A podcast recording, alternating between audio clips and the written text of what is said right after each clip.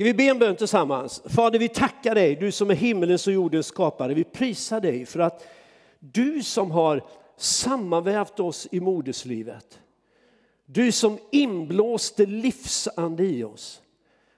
Och du som sedan också gav oss andligt liv genom Jesus Kristus. Pånyttfödelsen, frälsningens gåva, det eviga livet, syndernas förlåtelse. Tack Jesus för att det du gjorde. Och tack också för att du gav oss den helige Ande. Vi är inte övergivna, vi är inte ensamma, vi är inte faderlösa.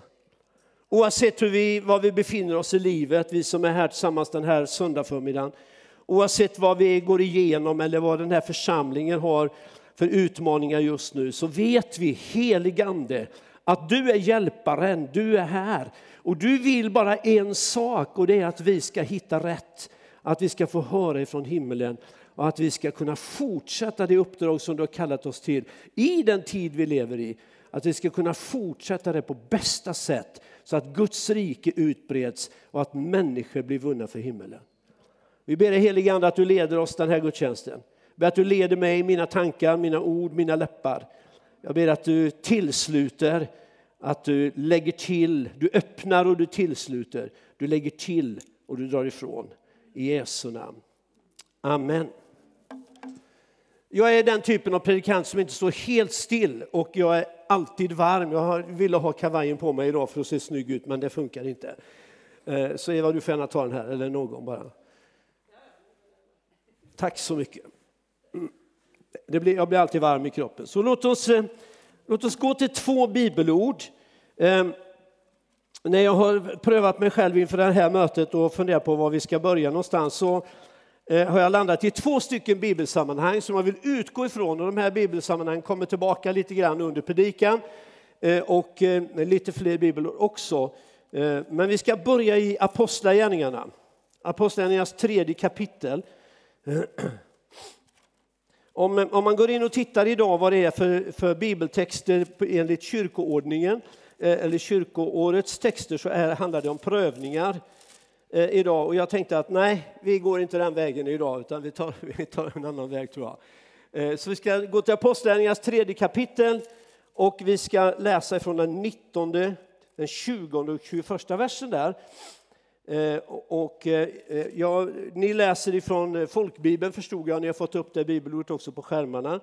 Eh, och vi kan läsa det därifrån, så ska jag läsa det också från en annan bibelöversättning. Och där läser vi så här då. Ångra er därför och vänd om så att era synder blir utplånade och tider av vederkvickelse kommer från Herrens ansikte. Och han sänder Messias som han har bestämt för er, nämligen Jesus. Honom måste himlen ta emot tills det tider kommer då allt blir upprättat som Gud har förkunnat genom sina heliga profeters mun från urminnens tid. Om vi läser samma bibel, bibelord i eh, Bibel 2000 så finns det en liten formulering, eh, annorlunda formulering där som jag gärna vill ha med och därför ska jag bara ta fram den här i min, i min bibelapp på telefonen. Jag tycker inte om det där egentligen, men jag, jag gör så nu. Vi läser det igen då, från Bibel 2000. Ångra därför och vänd om så att era synder blir utplånade. Då ska den tid komma från Herren då vi får vila ut och han ska sända er den Messias som han har bestämt, Jesus.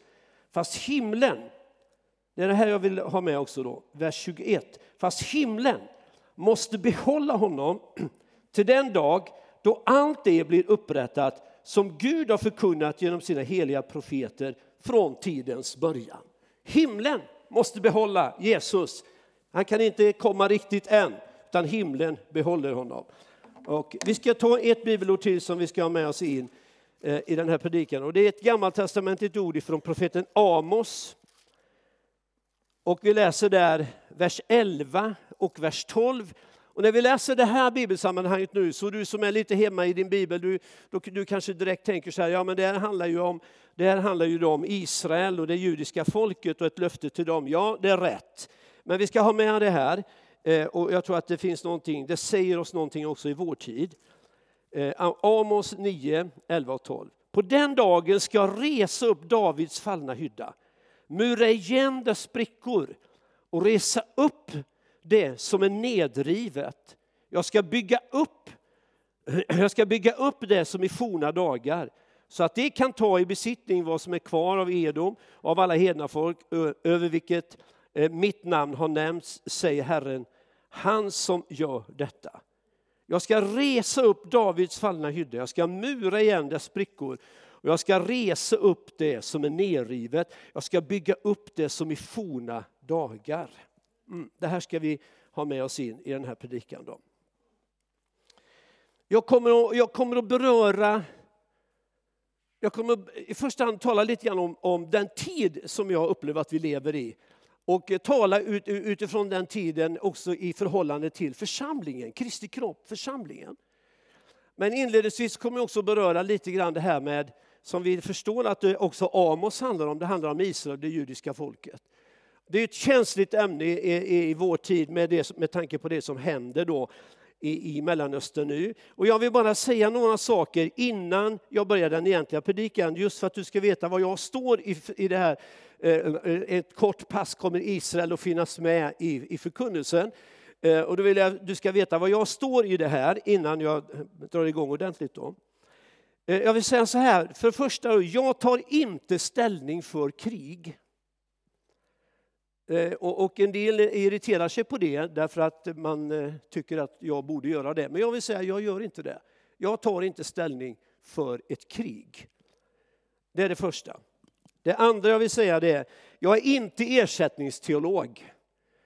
Jag tror inte att Israel och det judiska folket och allt det som är sagt om det har upphört att existera och att församlingen har ersatt tagit den platsen. Utan jag tror att det finns någonting för båda de här storheterna fortfarande. Så jag är inte ersättningsteolog. Eh, jag tror att det som står fortfarande profetiskt, vi kan läsa profetiskt i Guds ord om Israel, det judiska folket. Det handlar just om det, om nationen Israel och det judiska folket som folk. Eh, och det fjärde jag vill att du ska ha med dig då innan vi, vi, vi går in i det egentliga ämnet. Jag tror inte heller att det judiska folket har en gräddfil till himlen. Utan jag tror att alla, Gud älskar alla människor. Gud vill att alla, står det, ska bli frälsta och komma till kunskap om sanningen. Han sände sin son till alla för att alla skulle få möjligheten att möta frälsning. Och jag tror att det är precis samma sak för alla folk, även då det judiska folket. Bara ett litet klargörande då om det kan vara till någon hjälp för någon.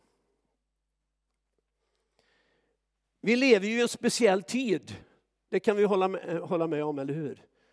Och, och, vi som är lite äldre, för jag måste ju räkna in mig dit nu då, eh, och, och ni som är ännu äldre än vad jag är, ni, vi har ju hört det här Eh, i alla år har man ju hört det här. Jag hörde ju det i min uppväxt, i min hemförsamling och eh, i möten som min mor och far tog mig till, kampanjmöten med Svenska Missionsförbundets eh, kända evangelister som en del av er kommer ihåg Bertil Paulsson, Jan Hedlund och andra. Och I de här sammanhangen och i den församling där jag växte upp så fick vi höra, ofta fick jag höra den här förkunnelsen om att vi lever i en, inte en speciell tid, det vill jag, så uttryckte jag det nu, men vi lever i en sen tid, sa man. Och vi lever i den sista tiden. Och vi lever i tiden som är precis innan Jesus kommer tillbaka, för det är ju vad Bibeln säger klart och tydligt att vi kommer till en punkt då Jesus kommer tillbaka. Och, och eh, så jag har ju haft med mig det genom min uppväxt. Det tillhör mitt andliga arv som jag fick. Att eh, vi lever i en sen tid. Och jag, jag, jag, kanske vi kan uttrycka det så, jag vill inte vara så tvärsäker. Därför att det är svårt att säga det, men vi lever i en speciell tid. Kanske är det en sen tid. Kanske är det tiden innan, innan det ska hända som Bibeln talar om, att Jesus ska komma tillbaka. Kanske är det så. Det, det vi kan inte exakt veta. Vi kanske kan tyda och se i, i tecknen i tiden eh, att det kan vara så att vi närmar oss det. I vilket fall som helst så är vi närmre nu än när apostlagärningarna eller Nya testamentets brev skrevs. Det är ju helt klart så att vi är närmre. Så där är vi, där lever vi. Och vi kan läsa om tidstecknen i Nya Testamentet, speciellt i Matteus 24 kapitel till exempel. Jesus undervisar om det. I de här apostlagärningarna som jag läste nu, där står det ju då någonting också om det här. Och det det står där det är att himlen måste behålla Jesus fram till den dag då allt det har blivit uppfyllt eller upprättat som det, profeten har talat om. Och Det är också ett sätt att se på tiden. Okej, okay, det finns lite kvar innan det här kan hända. Och om man är intresserad tror jag att följa det här lite grann vad vi, och få någon uppfattning om var vi kan befinna oss så kan man se att det finns tre visade på Guds tidsklocka tror jag. Och det ena är då Israel som folk och nation och det Bibeln talar om att de ska få sin upprättelse det enligt löftena. Det andra är församlingen som, som Guds redskap och Kristi brud. Och det tredje är att missionsuppdraget ska slutföras innan Jesus kan komma. Matteus 24 kapitel 14 vers. Först ska evangelium om riket bli predikat för alla folk, sen kommer slutet. Så att Jesus kommer, det har inte latiden, att jorden skulle gå under, latiden tar slut. Det bestäms inte av de stora herrarna i vår värld, utan det bestäms av en enda sak. Evangelium ska först predikas för alla folk, sen kan slutet komma. Så visst, vi är, det är en speciell tid. Låt mig tala lite grann om den tiden. Vi läste här i Amos om Davids fallna hydda. Och eh, jag tror att det är så här, om jag får göra en liten tolkning nu då. Eh, jag tror att det är så att det här med Davids fallna hydda då, som ska bli upprättad, den ska bli helad och ska bli läkt i sina sår. Eh, Davids fallna hydda eh, betyder utifrån det hebreiska ordet älskad. Eller älskling. Ja. Och jag tror att det här handlar om två saker. Jag vill tolka det så. Och om du inte håller med mig kan vi diskutera det efteråt. Jag tror, som jag sa, att det handlar om Israel och det judiska folket som Gud kommer att ge sin upprättelse i enlighet med det profetiska ordet. Men jag tror också att det här handlar om församlingen, Kristi kropp, Guds folk. Därför att Gud har, tror jag, ett parallellt skede mellan de här två Eh, om vi, kallar dem, vi kan kalla dem för två storheter eller Guds ögonstenar. Gud har inga favoriter men jag tror att Gud ändå följer de här två enheterna eller storheterna väldigt noga med sina ögon. Det judiska folket, den Israel, Israel och det judiska folket å ena sidan och församlingen å den andra sidan. Och jag tror att man kan, jag ska inte stanna det här och tala så mycket om Israel, även om det är ett älsklingsämne för mig, men jag ska inte göra det. Jag tror också att man kan se att det finns ett parallellt skede mellan de här två storheterna. Att Gud gör ett upprättelseverk på båda de här områdena och att det har med det profetiska ordets fullbordan att göra. Så vad kännetecknar då den tid vi lever i? Och då tänker jag inte gå igenom Matteus 24 och de konkreta tidstecknen. Jag kommer säga några helt andra saker. För det första tror jag vi lever i en profetisk tid. En tid då det profetiska ordet kommer att få sin fullbordan. Och jag tror vi är insatta i en sån tid. Vi är insatta i ett, mina kära vänner, vi är insatta i ett större sammanhang än vad vi ibland, tror jag, ibland så, så, så, så eh, kan jag uppleva att eh, vi har för trångt, för, vad ska jag säga, för, ja, för, för trångt perspektiv vi behöver vara fokuserade på det sammanhang där vi lever, där vi verkar, den bygd där vi är, där församlingen finns. Jag kommer till det så småningom i predikan. Men vi behöver ha ett större perspektiv också, för vi är insatta i ett större perspektiv. Och det stora perspektivet är ju då, om vi lever i en sen tid, då är det slutfasen. Och då finns det ett uppdrag för oss där. Och jag tror att uppdraget är bland annat att församlingens kallelse den sista tiden, eller en sen tid, det är att vara en profetisk röst. Att vara en profetisk rörelse med profetisk kraft. Eh, att verka fram det som är Guds vilja i tiden. Och, och det, vi kan uttrycka det på andra sätt också. Vi kan säga att vi, jag tror att att vi ska vara en profetisk rörelse med en profetisk röst. Men vi ska också vara ett väckelseredskap, självklart. Men jag tror att församlingens kallelse är att, att upprätta eller eh, manifestera Guds rike i tiden. Alltså manifestera Guds rike som ett livsalternativ i tiden. Alltså det, det, det, är ett, det är ett viktigt uppdrag i vår tid. Om vi tittar på hur människor har det i vår tid, om vi tittar på hur tiden är lite mer konkret, då, då förstår vi det här ändå mer, behovet av livsalternativ. Och jag tror att det är ett av församlingens profetiska uppdrag, min vän.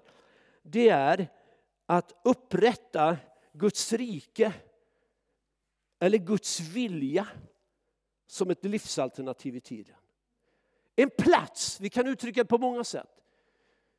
Ett område, en plats, ett tillstånd, en atmosfär, en miljö kanske bättre. En miljö eller en kultur där Guds vilja är, där Guds närvaro bor, som blir tilldragande för människor. Det kommer att behövas i den tid som vi lever i. Och jag tror att vi är i en profetisk tid där Gud vill göra församling, vill, vill utrusta sin församling i just det här uppdraget. Det andra jag vill säga om tiden är att vi är i en upprättelsens tid. Gud upprättar. Och jag tror att Gud vill upprätta i den här tiden. Han vill, han vill inte skingra. Gud vill samla.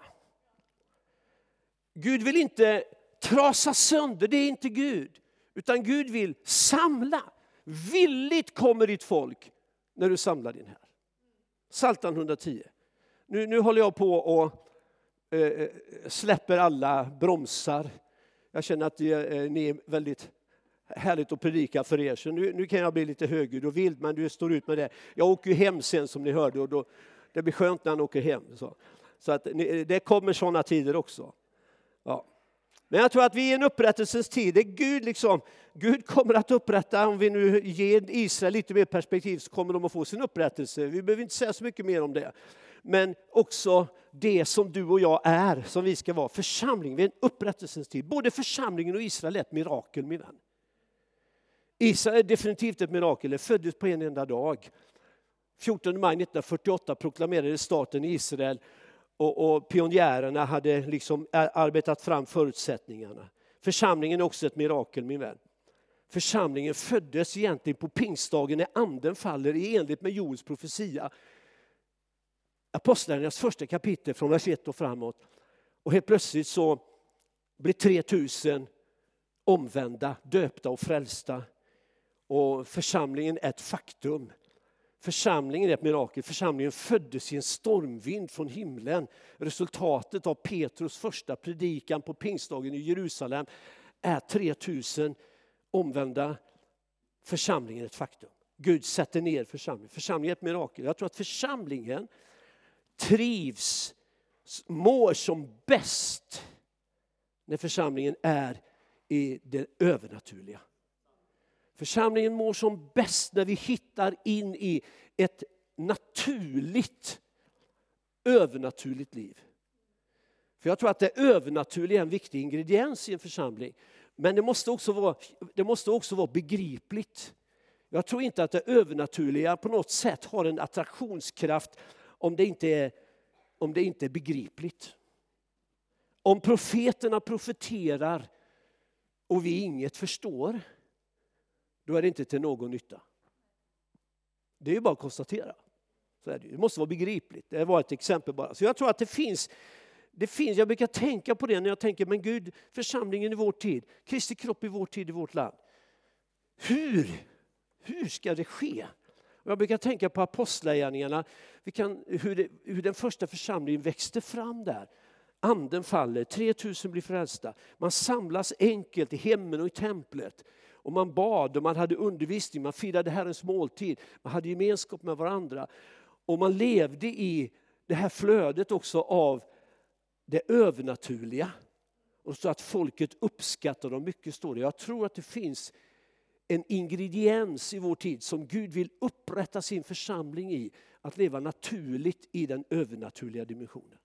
Det blir inget konstigt längre, det blir en naturlig del av församlingens liv. Så vi lever i en upprättelsens tid min vän.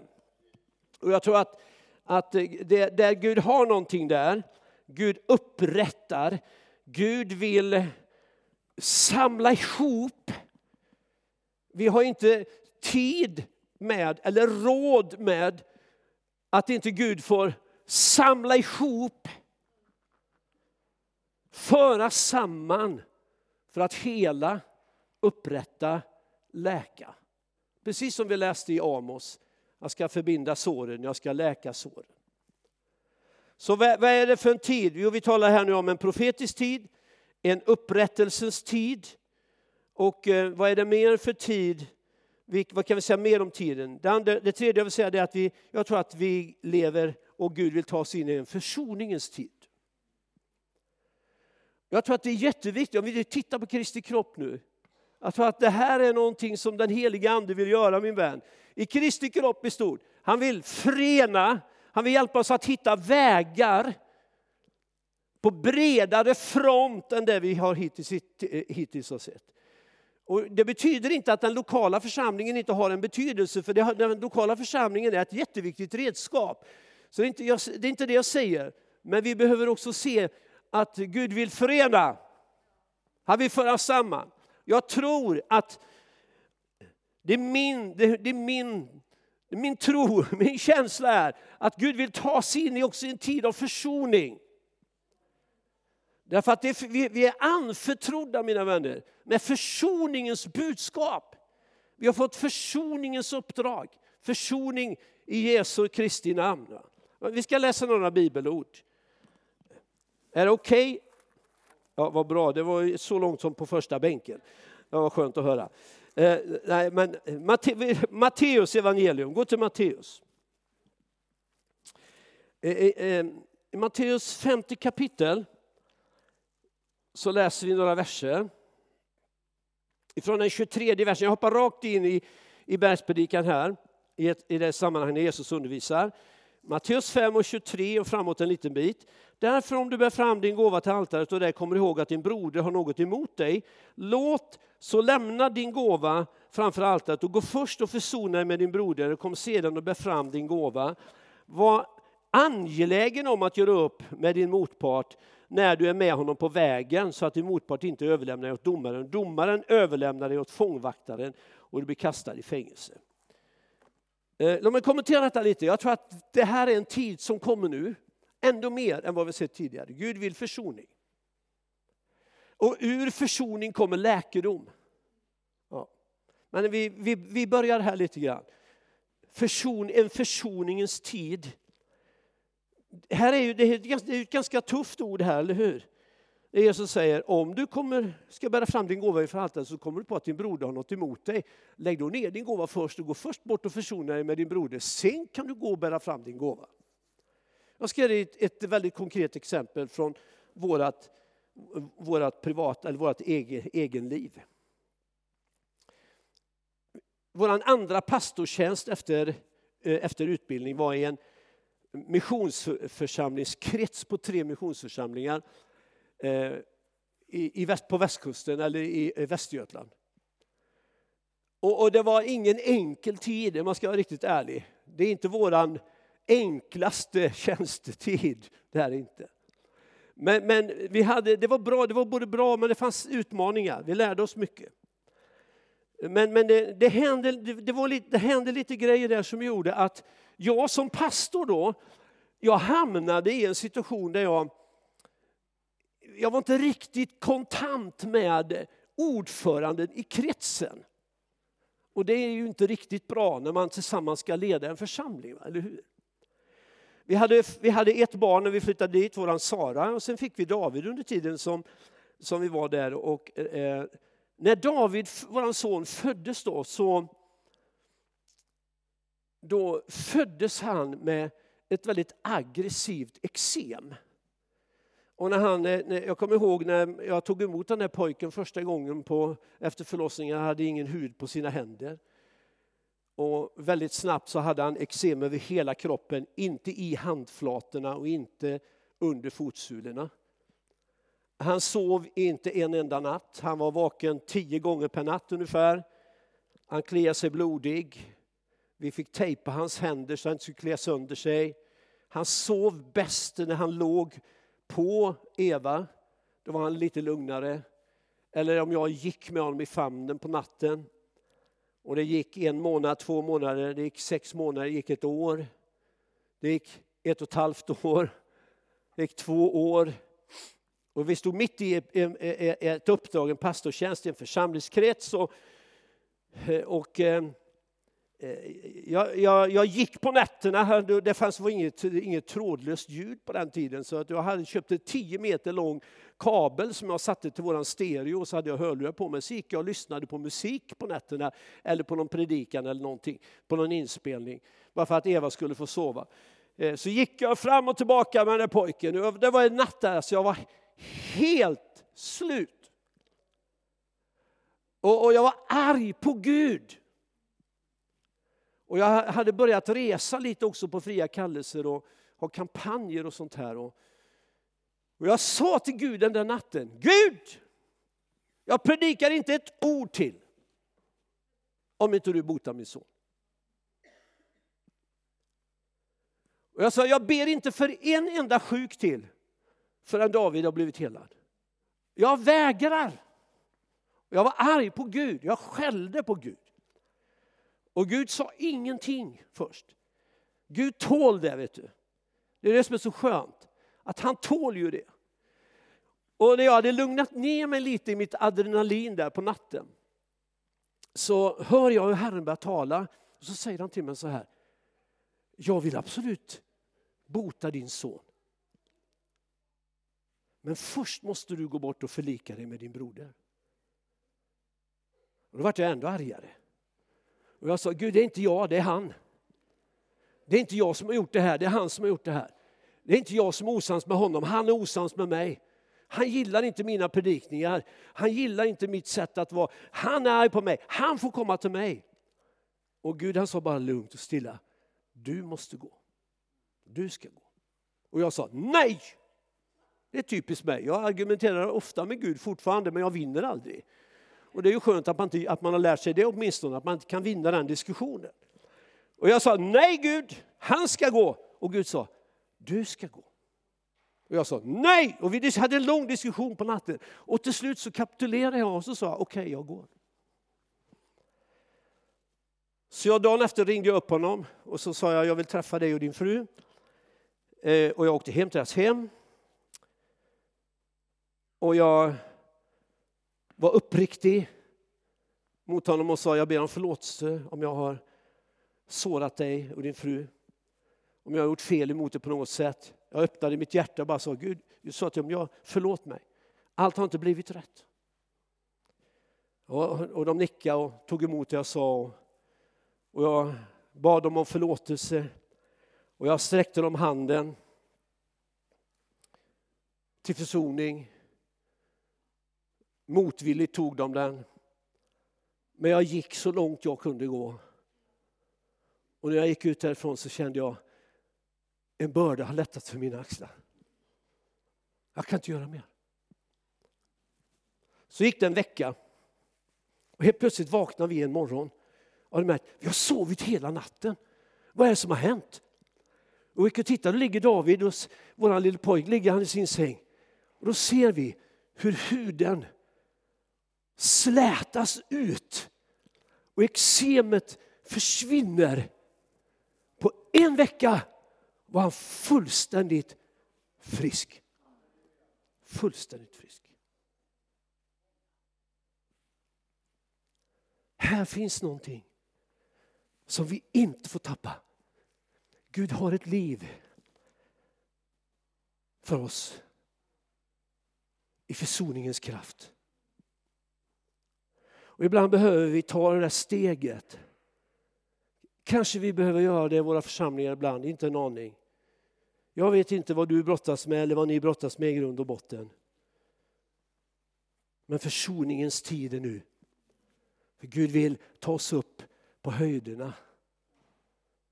Försoningens vägen är den höga vägen med Gud. Den står över allting annat.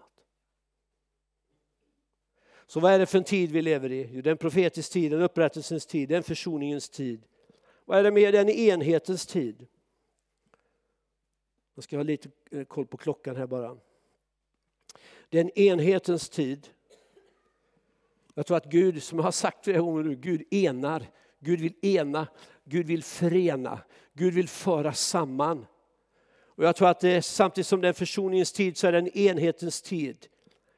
Och vi kan läsa jag tror vi hinner det. Eh, Efesebrevet, Nya testamentet, Efesierbrevets fjärde kapitel. Här talar Paulus lite grann om det här. Efesierbrevet 4, från vers 1 till och med vers 6. Jag uppmanar er därför som en fånge i Herren att leva värdigt den kallelsen jag fått. Var ödmjuka och milda på allt sätt. Visa tålamod och ha fördrag med varandra i kärlek. Var ivriga att bevara andens enhet genom fridens band. En kropp, en ande. Liksom ni kallas till ett hopp. Det som tillhör er kallelse, en Herre, en tro, ett dop, en Gud som är allas far, han som är över alla, genom alla och i alla. I Apostlagärningarna så läser vi också att de var ett hjärta och en själ. Det finns någonting i det här som blir, när vi hittar det här igen, när vi hittar den här gemensamheten, förståelsen. Vi tycker inte lika, vi tänker inte lika, vi ser olika ut, vi har inte samma intressen. Vi klär oss inte på samma sätt, vi uttrycker oss inte på samma sätt, men vi är ett folk.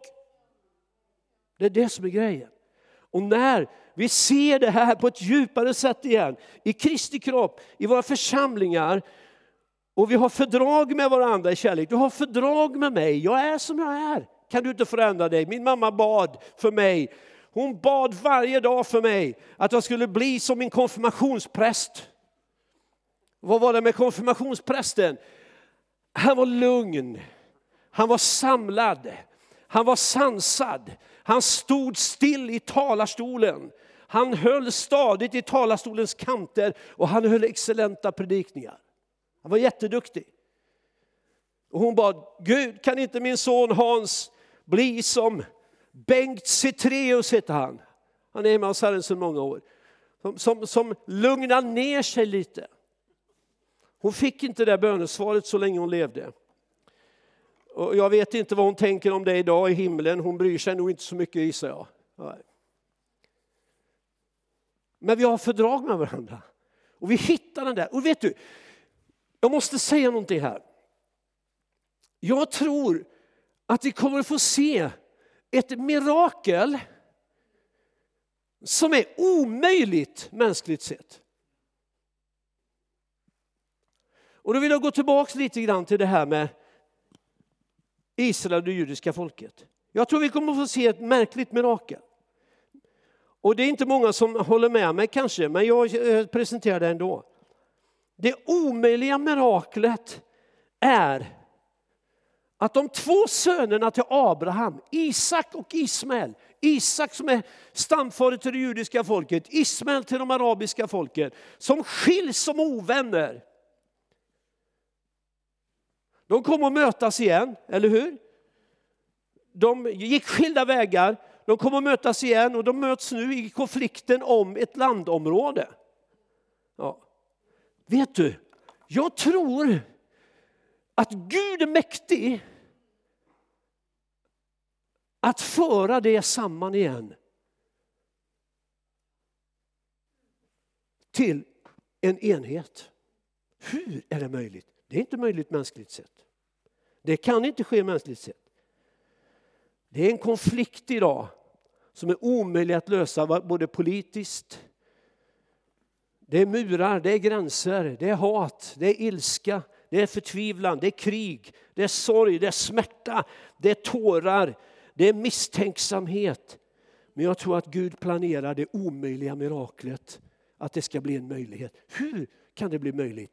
I försoningens och enhetens tecken i Kristus. Det är en profetisk fingervisning om den enhet Gud vill ska växa fram i sin kropp när det börjar ske. Och det har börjat. Idag möts judar och araber och palestinier över alla gränser, allt tänkande. De lägger alla barriärer åt sidan, de lägger hatet åt sidan. Vilka då? De som har mött Kristus. Vi har besökt Israel palestinsk kristna församlingar, arabisk kristna församlingar. Vi har besökt en judisk kristen församling som är lite, ganska internationell. Vi har besökt de här, vi har träffat de här pastorerna. Eh, pastorn från den palestinska församlingen inne i Betlehem och den judiske pastorn på, på, i, på, i Israel. Vi har sett, vi har hört om deras väg, vi har mött dem. Hur de har kross, korsat barriärerna, hur de har fått utstå hårda ord, slag och hugg. Men hur de ändå har hittat en gemensamhet, de här två pastorerna. Och hur de har börjat få sitt eget folk att hitta en gemensam väg. Isak och Ismael.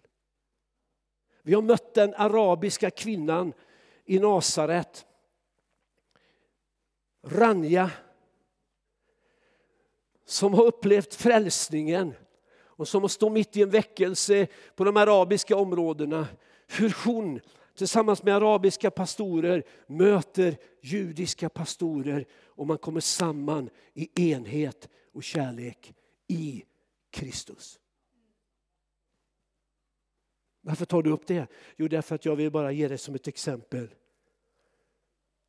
Att vi är i en tid då jag tror Gud har för avsikt att föra oss samman.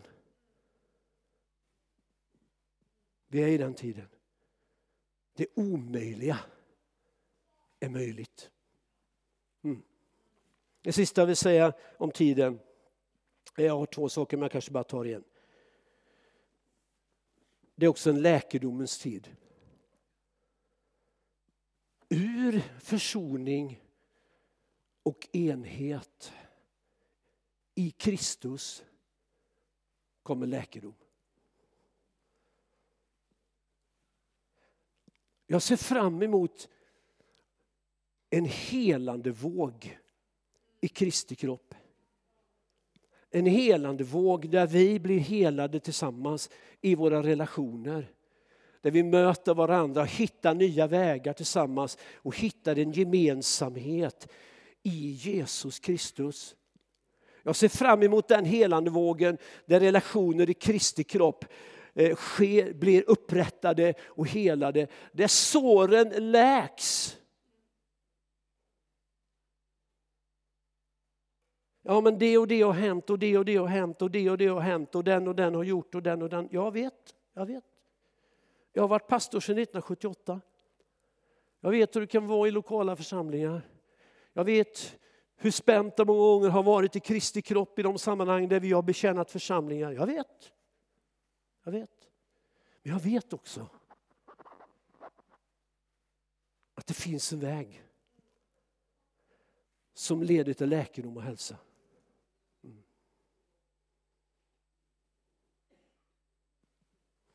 Jag ska ge ett exempel till. Orkar du lite till? För, eh, måste, eh, måste jag sluta nu? Nej, okay. För jag, jag, jag, jag, jag har bara ett möte på mig. Ja, det är ju det som är grejen. Hur som helst. Oh. Jag ska ge ett, ett väldigt kort exempel till. Vi var, när vi var pastorpar i Korskyrkan i Alingsås så blev jag uppringd av en, e- eh, en journalist från Expressen. De ville göra en intervju och jag ville inte göra den här intervjun. Men ja, vi hamnade i en diskussion i alla fall som till slut blev en artikel då i Expressen och eh, GT. Och eh, där han frågade ut mig angående min hållning när det gäller det här som ni tydligen också har diskuterat i församlingen tidigare, då hbtq-frågorna. Och eh, den sista, eh, eh, två frågor som han ställde bland annat, den ena frågan var den här, är, homosexuella välkomna på era möten? sa han. Och jag sa, jag har inte en aning om en människa är homosexuell eller heterosexuell på våra möten. För vi, vi, vi, vi kollar inte det. Vi, våra, våra, våra, våra mötesvärdar står inte i dörren och frågar vilken sexuell läggning en människa har. Utan vi säger välkommen till kyrkan, säger vi. Så jag har inte en aning, så. Och så frågar han mig så här. Kommer homosexuella till himlen, sa han då. Och då svarade jag det att, hör du, sa jag, jag är så tacksam att jag slipper avgöra vilka som ska komma till himlen och inte. Det sköter vår himmelske far. Men en sak vet jag, sa jag till dem, och det gäller alla människor, att det finns bara en väg dit. Och det är genom Jesus Kristus. Sen kom det en nidartikel i Expressen och, och, och GT, en fruktansvärd artikel. Där han slutade bland annat med att skriva att jag, jag tillbringar hellre evigheten i helvetet med homosexuella än i himlen med pastor Marklund. Och jag hade inte sagt det överhuvudtaget. Men hur som helst. Och det bröt ut storm i stan. Jag blev förbjuden att handla i någon butik och det var massa krångel med det. Alla stormar blåser förbi. Men vi skulle ha ett stort ekumeniskt möte med alla församlingarna i stan veckan efter detta spreds. Och stod på alla, jag stod på alla löpsedlarna. Eh, och, och, vi skulle ha ett stort ekumeniskt möte så hade vi en ekumenisk samling innan, präster och pastorer i stan. Och vi skulle planera mötet och jag visste ju att det här, alla visste ju nu. Nu skjuter de på mig, nu är jag i skottgluggen, jag har sagt något väldigt dumt, tycker de säkert. För de läste ju vad som stod i tidningarna. Eh, och hur som helst så satt vi på det ekumeniska mötet och då började jag mötet med att säga, ja ni vet ju precis vad som håller på att hända nu, sa jag. Men eh, eh, vi gör så här att vi, vi ställer oss, vi hoppar av arrangemanget. Vi behöver inte stå som medarrangörer som församling och jag behöver inte medverka som pastor. Vi ställer in vår gudstjänst och vi kommer och är med på gudstjänsten men vi behöver inte vara medarrangörer. För jag, jag tänkte säga det är en jättekänslig fråga det här. Det är ju det. Eller hur? Ja. Och då, då reser sig kyrkoherden upp. Han och jag som har helt olika bibelsyn. Vi har helt olika uppfattning om församling, om evangelisation och mission. Men vi är väldigt goda vänner. Och, och vi, kan, vi, vi, kan, vi kunde sätta oss och fika tillsammans och hur, ha hur trevligt som helst. Men vi hade inte samma uppfattning i bibelsyn. Och jag visste ju att han, kom, han tycker inte som jag. Men då reser han sig upp inför allihopa och säger ni ska vara med på det ekumeniska mötet. Vi står tillsammans. Jag vet vem du är. Vi tycker inte lika, men vi står tillsammans i Kristus. Och nu kliver vi fram. Wow! Enhet spränger gränser. Enhet och försoning, min vän. Det är vägen för Kristi kropp just nu.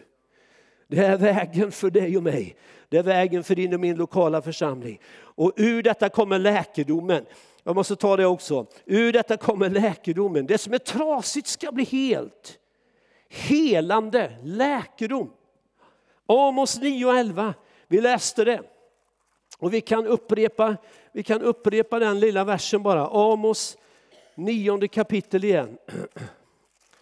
Och den elfte versen. På den dagen ska jag resa upp Davids fallna hydda. Jag ska mura igen dess sprickor. Jag ska resa upp det som är nedrivet och jag ska bygga upp det som var i forna dagar. På den dagen ska jag resa upp Davids fallna hydda. Jag ska mura igen dess sprickor. Gud ska mura igen sprickorna. Gud vill hela det som har gått sönder, det som är trasigt. Gud vill hela det som är trasigt. Mm.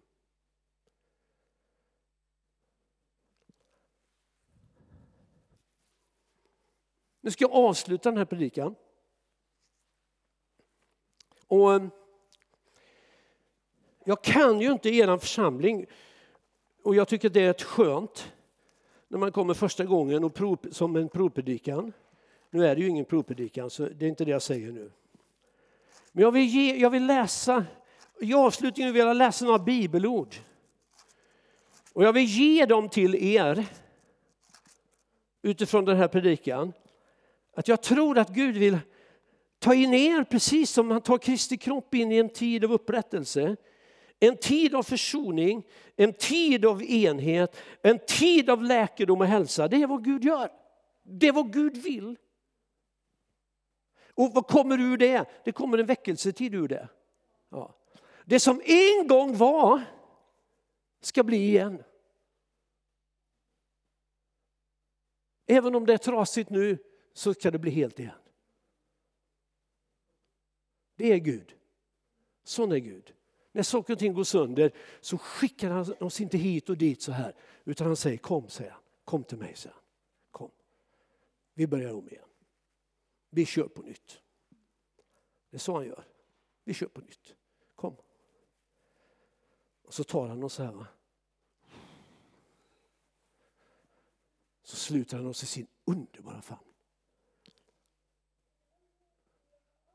Och det kanske gör lite ont ibland. För saker smärtar. Men Det går över om vi stannar där och låter Gud ha sin hand med sitt verk, församlingen.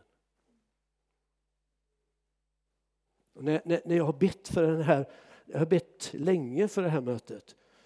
Och då kanske du tycker så här, om du tycker det här var väl ingenting, då kunde du väl bett lite till, kanske blivit lite bättre, möjligtvis. Men, men, men det, där, det där får du det får stå för dig. Då har jag bara känt det här, Gud vill ta er så här. Gud vill ta er så här, han vill ta er. Han vill, han vill omfamna er. Han vill upprättelse, han vill läkedom, han vill hälsa. Det har, ingenting, det har ingen betydelse vad som ligger bakom för Gud. Han vill ta oss rakt igenom det där. Tillbaks till bestämmelsen. Ja. Jesaja 35. Öknen och ödmarken ska glädja sig, hedmarken fröjdas och blomstra som en lilja. Den ska blomstra skönt och fröjda sig, ja fröjda sig och jubla.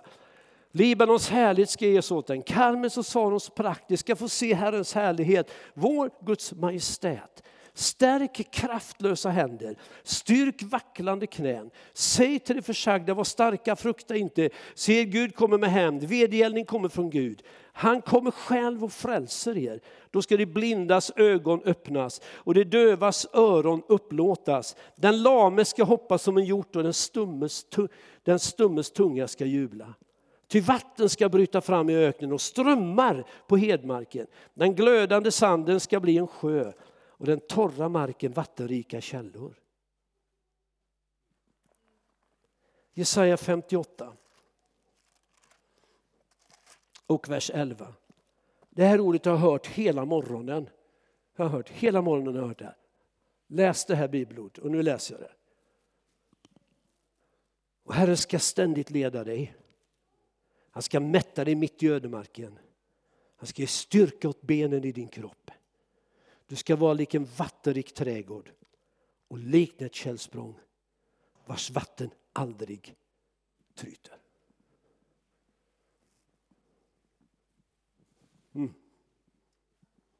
Det, ta, om ni vill så ta det till er. Herren ska ständigt leda er. Han ska mätta er, han ska ge mitt i ödemarken. Han ska ge styrka åt benen i er kropp.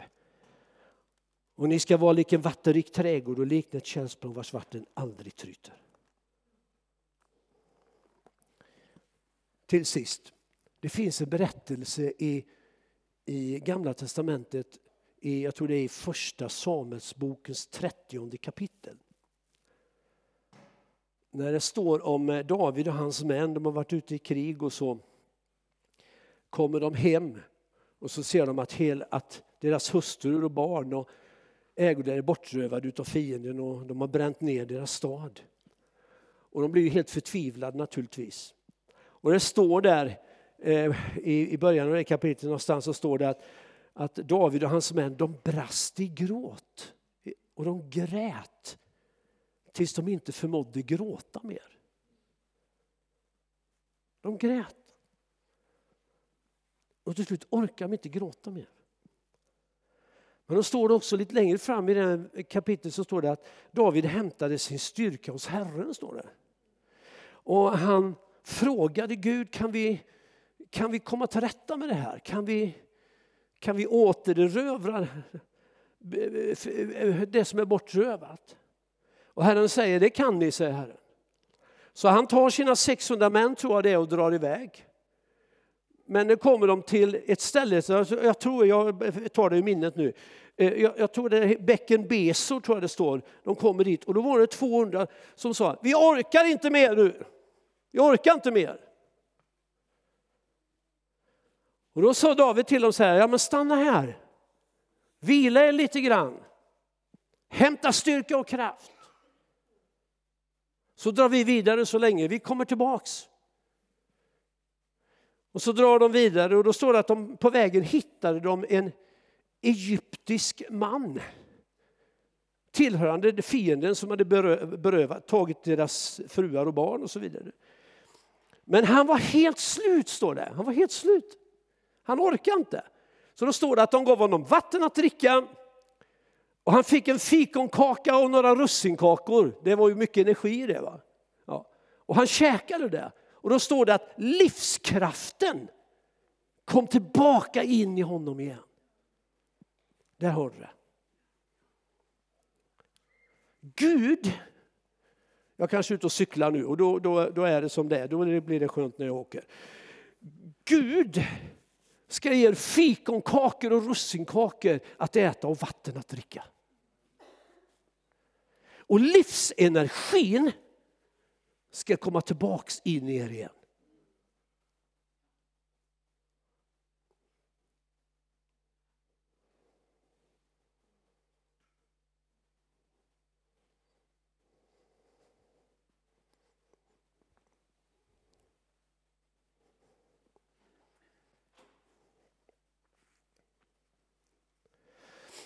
David och hans män de lyckades att återerövra det som hade gått förlorat.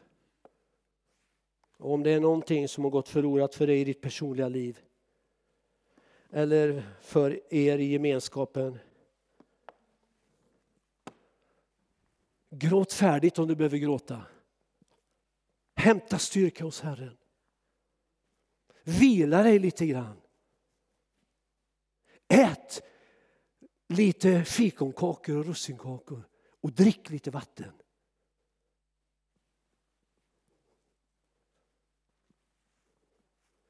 För det ska ges tillbaka till dig.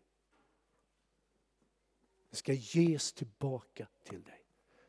Gud har inga andra tankar och planer. Han samlar ihop. Han vill komma nära. Han vill röra vid. Han vill läka upp detta. Och energin kommer tillbaka igen. Glädjen. Wow! Gud, du är här. Att det kunde bli så här bra. Där är Gud. Ska vi be tillsammans? Fader, vi tackar dig för att du alltid, alltid har du en väg. Vad vi än går igenom som människor eller vad vi än går igenom, Herre, som gemenskaper. Familjegemenskaper, släktgemenskaper, relationer. Eller vad vi än går igenom som församlingar. Här vi går igenom saker, vi sliter, saker händer. Vi gör rätt, vi gör fel. Vi försöker och vi misslyckas och ibland lyckas vi. För det mesta lyckas vi. Men hur det än är, var vi än befinner oss och vad det än är som händer eller vad vi går igenom Herre, så har du alltid en väg, den höga vägen.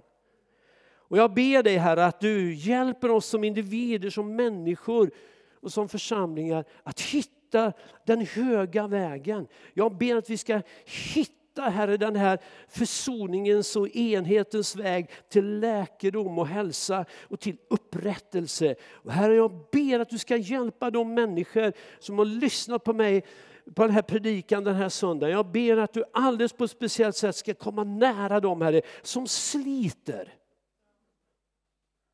Som kämpar. Som känner smärtan. Det gör ont. Jag vet inte om jag orkar tro en gång till. Men Gud, du är där. Tack att du kommer nära dem. Tack att du kommer nära dem just nu. Riktigt, riktigt nära. Tack att du viskar in i deras ande, deras hjärta, deras öron. Jag är här nu, genom min ande, för att hjälpa, för att lyfta för att stärka, för att läka. Herre, kom nära församlingen. Du bor i den här församlingen, du är den här församlingen. Du har verkat genom den här församlingen och du verkar allt fort genom den här församlingen. Jag ber att du fortsätter. Jag ber att tacka dig för att du fortsätter. Tack att du, du reser upp dem, Herre. Om de inte på de områden där de behöver resas upp på fötter igen, där reser du dem upp Herre. Du ställer dem på fötterna Herre. Låt dem vila om de behöver vila Herre. Mat, ge dem mat Herre, fikonkakor och russinkakor och rikligt med vatten ur den friska levande källan. Låt dem få dricka Herre och känna hur källan vaknar i dem igen Herre. Och hur livsenergin, drömmarna, visionerna, uppdraget Herre på nytt kommer tillbaka in med liv och glädje. Herre, vi ber om dig, Jesu namn. Även om när vi kommer dit, här, det är luttrat, det kanske blir förändrat, det blir inte riktigt som det var förut, Herre. Men det, vi vill gå din väg, Herre. Tack att du hjälper den här församlingens ledarskap och pastorer, Herre, att hitta dina raka och väl upplysta vägar i en tid som denna. Tack Jesus.